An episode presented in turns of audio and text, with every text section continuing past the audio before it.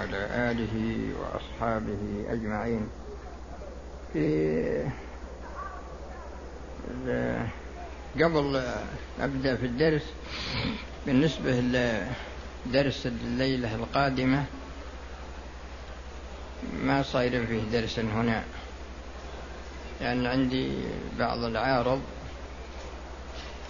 ولكن سأضيفه إلى ليلة السبت. يعني درس القابل ليلة الجمعة سأضيفه إلى درس ليلة السبت. يعني يكون ليلة السبت فيه درس ليلة الجمعة وفيه درس ليلة السبت. هذا من جهة. ومن جهة أخرى في درس الماضي في بعض الأخوان سأل عن إعادة شرح بعض القواعد التي مضت في درس فنعيد. ونستكمل من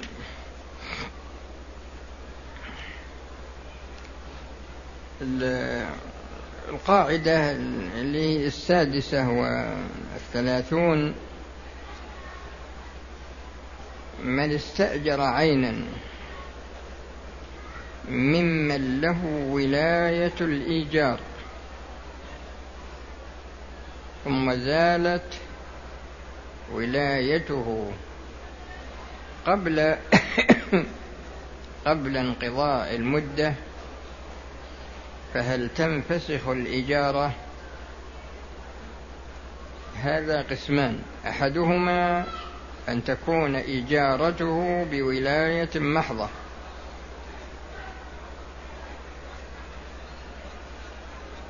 فإن كان وكيلا محضا فالكلام في موكله دونه. وإن كان مستقلا بالتصرف فانتقلت الولاية إلى غيره لم تنفسخ الإجارة لأن الولي الثاني يقوم مقام الأول كما يقوم المالك الثاني مقام الأول. وإن زالت الولاية عن المولى عليه بالكلية كصبي يبلغ بعد إيجاره أو إيجار عقاره والمدة باقية ففي الانفساخ وجهان أحد أشهرهما عدمه. آه، المقصود من هذه القاعدة وسيأتي الكلام على بقيتها لكن المقصود من هذه القاعدة في الحقيقة أن لها أهمية كبيرة بالنظر إلى علاقتها بواقع تعامل الناس.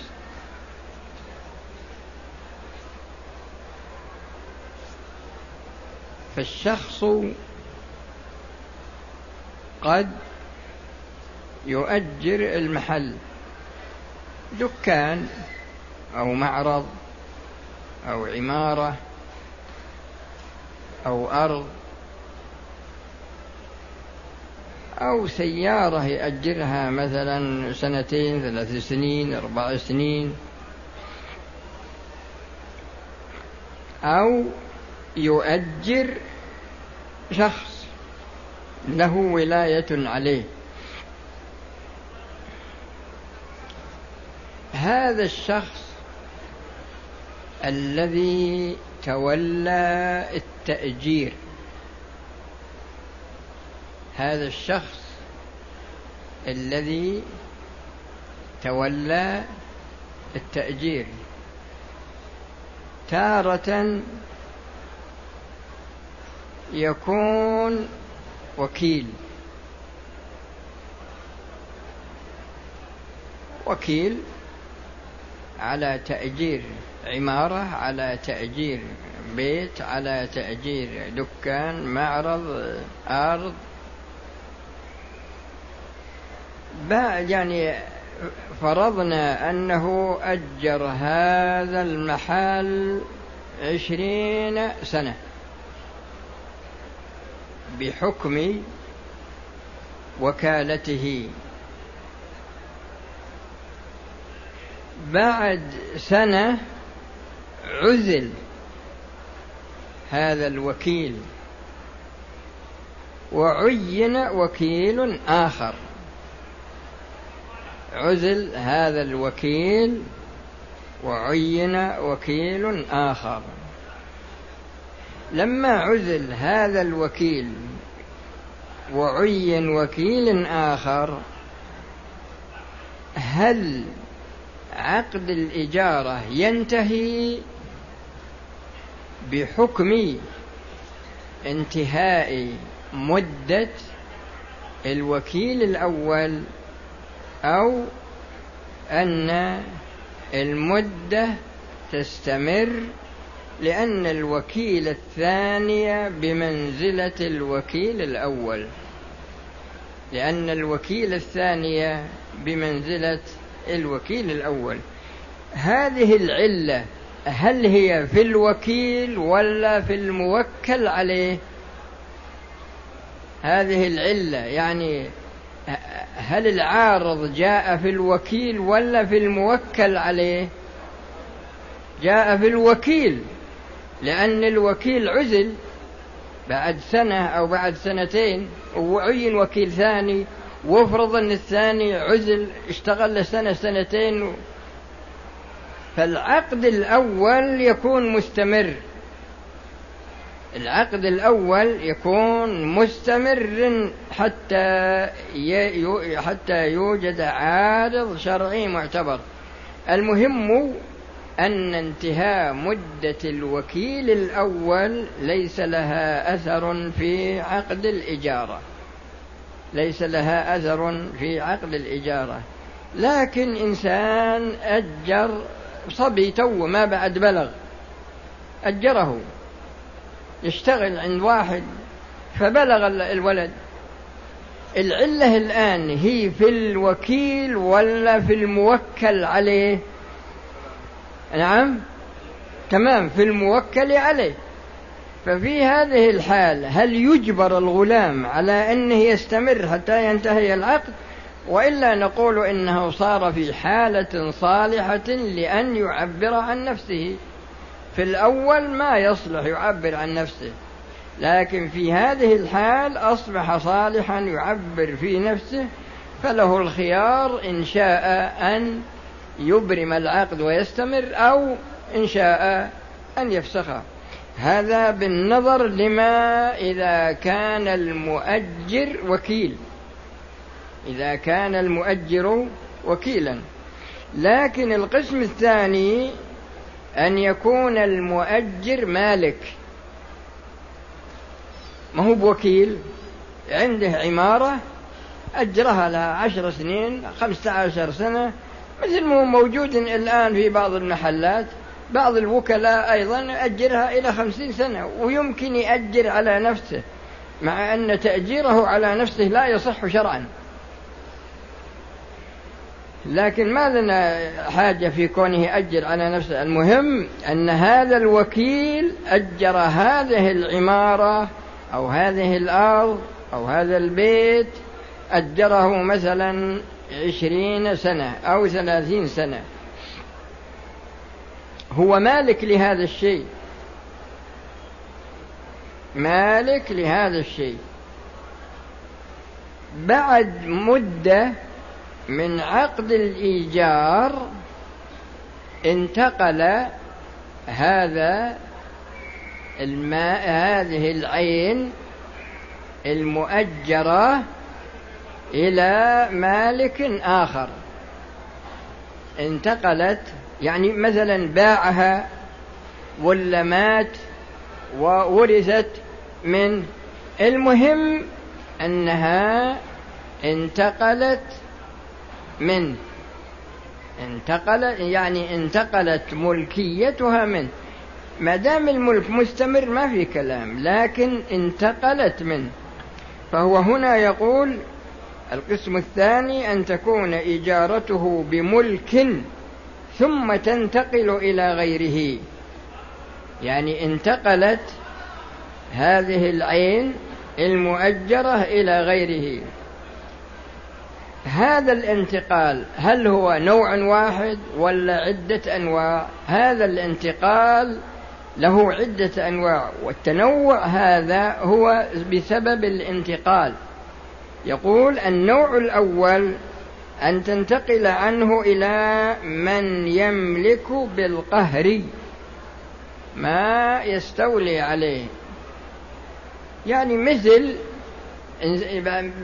مثل ما الآن فرضنا مثلا في العراق.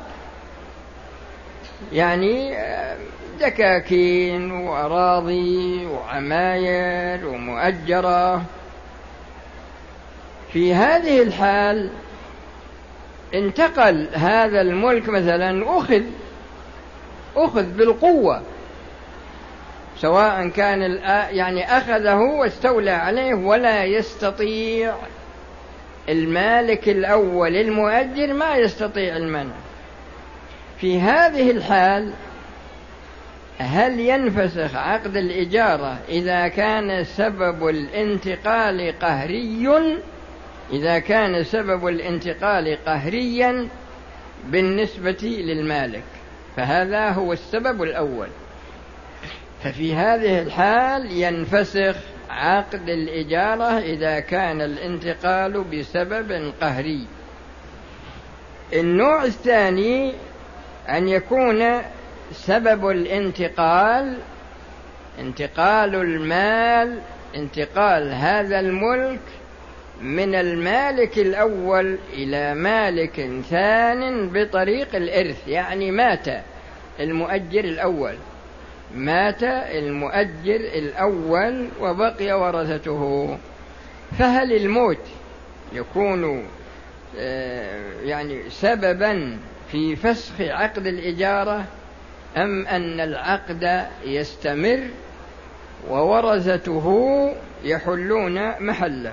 فهو هنا يقول وثانيها أن ينتقل الملك إلى من خلفه في ماله في ماله ويقوم مقامه ويتلقى الملك عنه فلا اعتراض له على عقوده بل هو منفذ لها وكذلك كالوارث كالوارث وكذلك المشتري. يعني لو انتقل بسبب الإرث بسبب الموت ولا انتقل مثلا بسبب البيع ولا انتقل بسبب الهبة. يعني الغرض إنه انتقل بسبب شرعي. انتقل بسبب شرعي قد يكون قهريا إذا كان إرث وقد يكون اختياريا إذا كان بيع أو كان مثلا هبة أو ما إلى ذلك. ففي هذه الحال المالك الثاني يحل محل المالك الأول ويستمر العقد. ويستمر عقد الإيجار. هذا النوع الثاني. النوع الثالث آه، أن يكون مزاحما للأول. يعني النوع الثالث هذا يجري في الأوقاف والوصايا. يعني إذا أوقف إنسان محل ولا أوصى به إلى ذريته طبقة بعد طبقة. أجرت الطبقة الأولى. الطبقة الثانية ما دامت الطبقة الأولى موجودة ليس لها اعتراض لكن عدمت الطبقة الأولى والعقد باق. فإذا فرضنا أن الطبقة الأولى أجرت المحل هذا عشرين سنة وبعد عشر سنوات انقرضت وانتقل المؤجر إلى الطبقة الإيش؟ الطبقة التي بعدها. فهل الطبقة التي بعدها تملك نقض عقد الإيجار أم أن الإيجار أم أن العقد يكون مستمرا؟ هو هنا يقول أن يكون مزاحما للأول.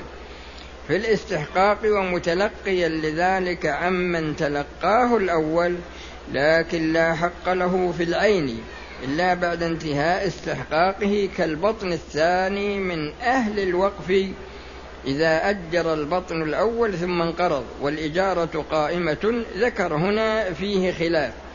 يعني فيه خلاف من ناحية أن من أهل العلم من يرى الفسخ ومنهم من لا يرى الفسخ وقاعدة الشريعة وقاعدة الشريعة أن استحقاق الأول انتهى وانقرض وانتهى فحينئذ يكون النظر للبطن الثاني. النوع الرابع من هذه الأنواع أن يكون مزاحما للأول في استحقاق التلقي.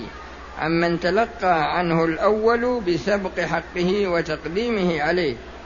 وهذا يكون مثلا إنسان اشترى سهم اشترى سهم في مثلا عمارة كبيرة اشترى ربعها ولا ثلثها ولا نصفها مثلا وقام وأجر أجر هذا الشيء. هذا القسم هذا الجزء يعني صاحب العمارة هذا قام وشفع. صاحب النصف الثاني. شفع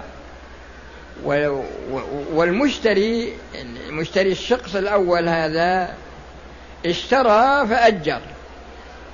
الذي شفع هل يملك إلغاء العقد؟ وإلا ما يملكه. فهذا النوع في هذا الموضوع أن يكون مزاحما.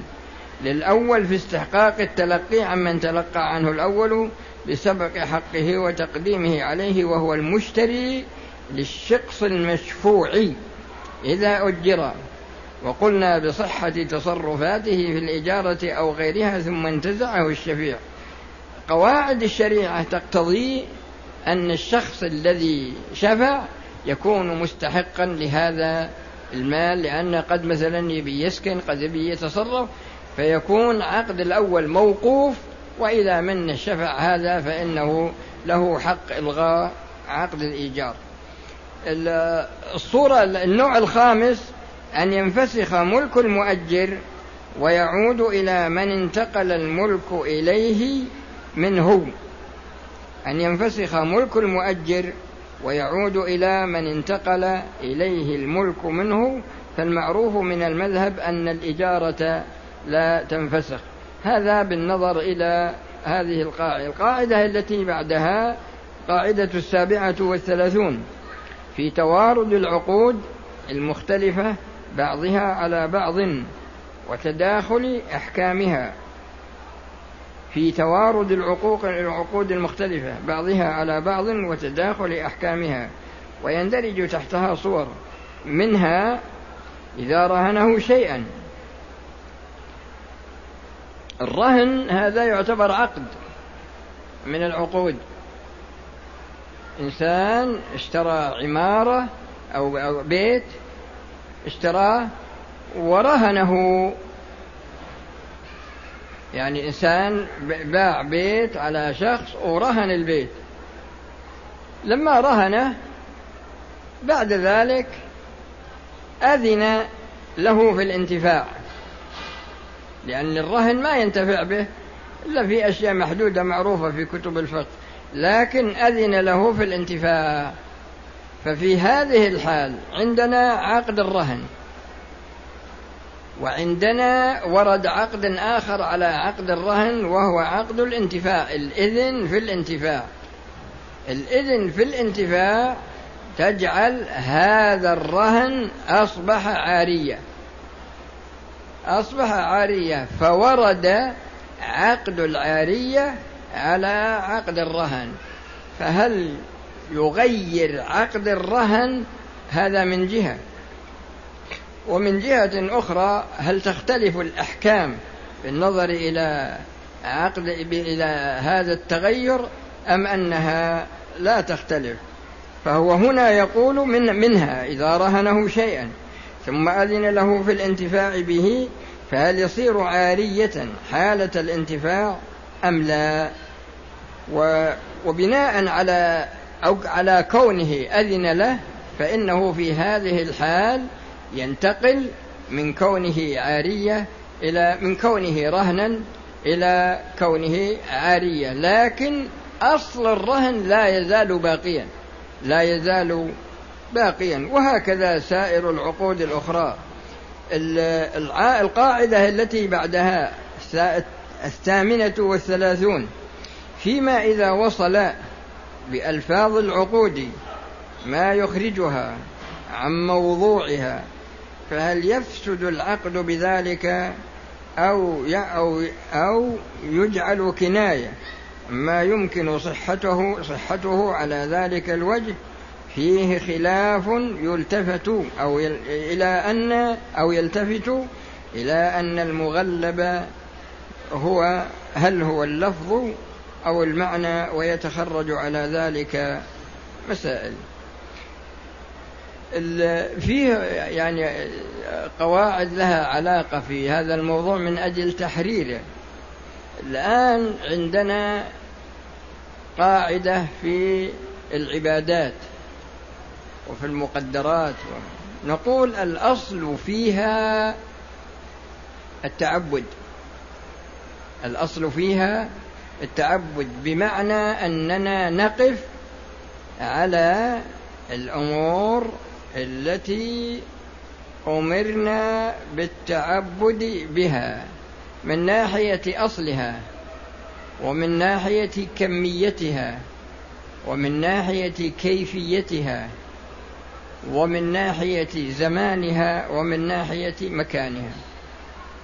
الآن الطواف له حد معين مكان معين وله عدد معين يعني سبعة أشواط بحيث أنك لو زدت واحد ما تؤجر. ولو زدت واحدا معتقدا أن السبعة لا تصح لا تكفي لم يصح الطواف أصلا. لأنك زدت على المشروع. ولو أنك نقصت شوطا واحدا لما صح الطواف. ولو أنك طفت على مكان آخر فحينئذ هذا المكان الآخر لا يصح الطواف عليه. وهكذا بالنظر للسعي بين المروة بين الصفا والمروة وهكذا الوقوف بعرفة يوم عرفة والمبيت بمزدلفة ليلة مزدلفة ورمي الجمار من ناحية العدد ومن ناحية الوقت إلى غير ذلك. فالمقصود إن العبادات المكلف مأمور بأن يتقيد بها كما جاءت. الآن عندنا مثلا في الصلاة في الركوع تقول سبحان ربي العظيم في السجود تقول سبحان ربي الأعلى. الرسول صلى الله عليه وسلم قال أما الركوع فعظموا فيه الرب وأما السجود فأكثروا فيه من الدعاء فقمن أن يستجاب لكم. لكن لو إنك لما ركعت قرأت قرانا القرآن طيب. لكن هل هذا محله؟ يعني قرأت الفاتحة في الركوع. وقرأت الفاتحة في السجود. الفاتحة هي أم القرآن. لكن هل هذا العمل منك؟ يعني لما أديت الفاتحة في الركوع أديت الفاتحة في السجود ولا جب ولا أتيت بالفاتحة للتشهد ماذا يكون؟ هل أنت أتيت بالمشروع ولا خالفت المشروع؟ خالفت المشروع. وهكذا في جميع الأمور التعبدية. تجدها محددة. زمانا ومكانا وكما وكيفا واصلا.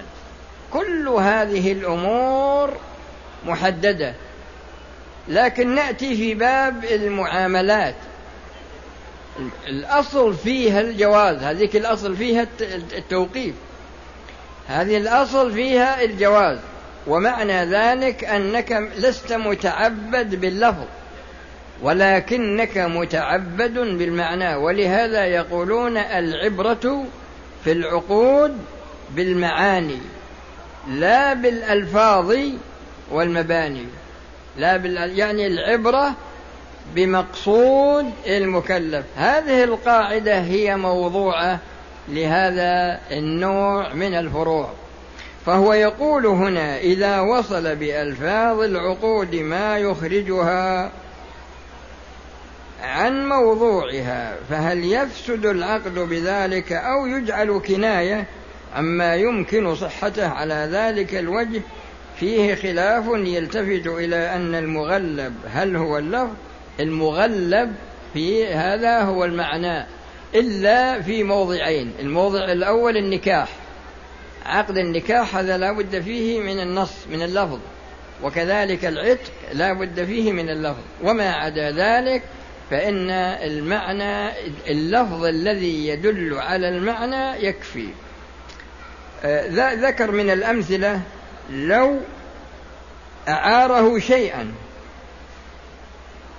قال له مثلا أبا أعطيك هالسيارة لك أسبوع اشتغل عليها لك أسبوع أسبوعين ثلاثة ولا قال اسكن هالبيت لك شهر شهرين سنة. هم رجع إليه وقال بإجرة أنا أبي إجرة السيارة أو شرط عليه في العقد أيضا. قال خذ هذا عارية لكن أبيك تعطيني في الشهر مثلا آه، عشرة ريال عشرين ريال ألف, ألف ريال. فعندنا الآن عقد العارية من جهة والعارية ما لها عوض لأنها من عقود التبرعات لكن قرن بها العوض. ذكر العوض هذا هل يخرجها عن الأصل أم أنها تبقى عارية على الأصل؟ تبقى عارية على الأصل. وهكذا يعني مثلا لو أنه أعطاه فلوس وقال هذا عشرة آلاف ريال مضاربة. لكن الربح لك. ترى كل الربح لك. عندنا الآن اشتغل بهذا المال. وخسر. إن طبقنا عقد المضاربة تصير الخسارة على من؟ على صاحب المال. وإن قلنا إن هذا لفظه لفظ المضاربة لكن لكن معناه قرض لأن صاحب المال لما قال لمن أخذ المال لما قال الربح كله لك هل استفاد صاحب المال ولا ما استفاد؟ ما استفاد شيء. فإن فحينئذ إن جعلناه قرضا. تكون الخسارة على من؟ على صاحب المال؟ على تمام هذا هو الفرق هذا هو الأثر فحينئذ هذا النوع عندما يوصل بالعقد شيء يخرجه عن أصل دلالته الأصلية. هل نقول العبرة بالمعنى القائم في نفس الشخص أو نقول العبرة باللفظ الموجود. فإن قلنا العبرة باللفظ الموجود نقول هذا فسد. وإن قلنا إن العبرة بالمعنى نقول تحول. هذا المال المضاربة تحول من من كونه مضاربة إلى كونه قرض لأن حقيقته إنه قرض.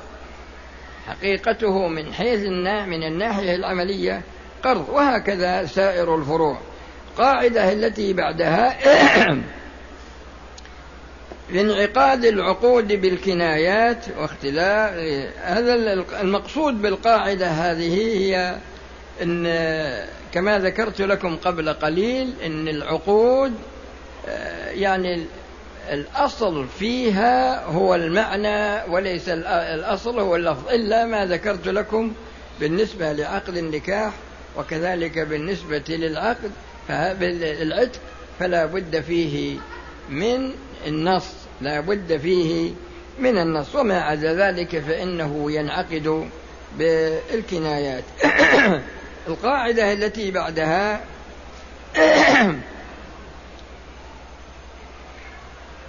الأحكام المتعلقة بالأعيان. بالنسبة إلى تبدل الأملاك واختلافها عليها نوعان.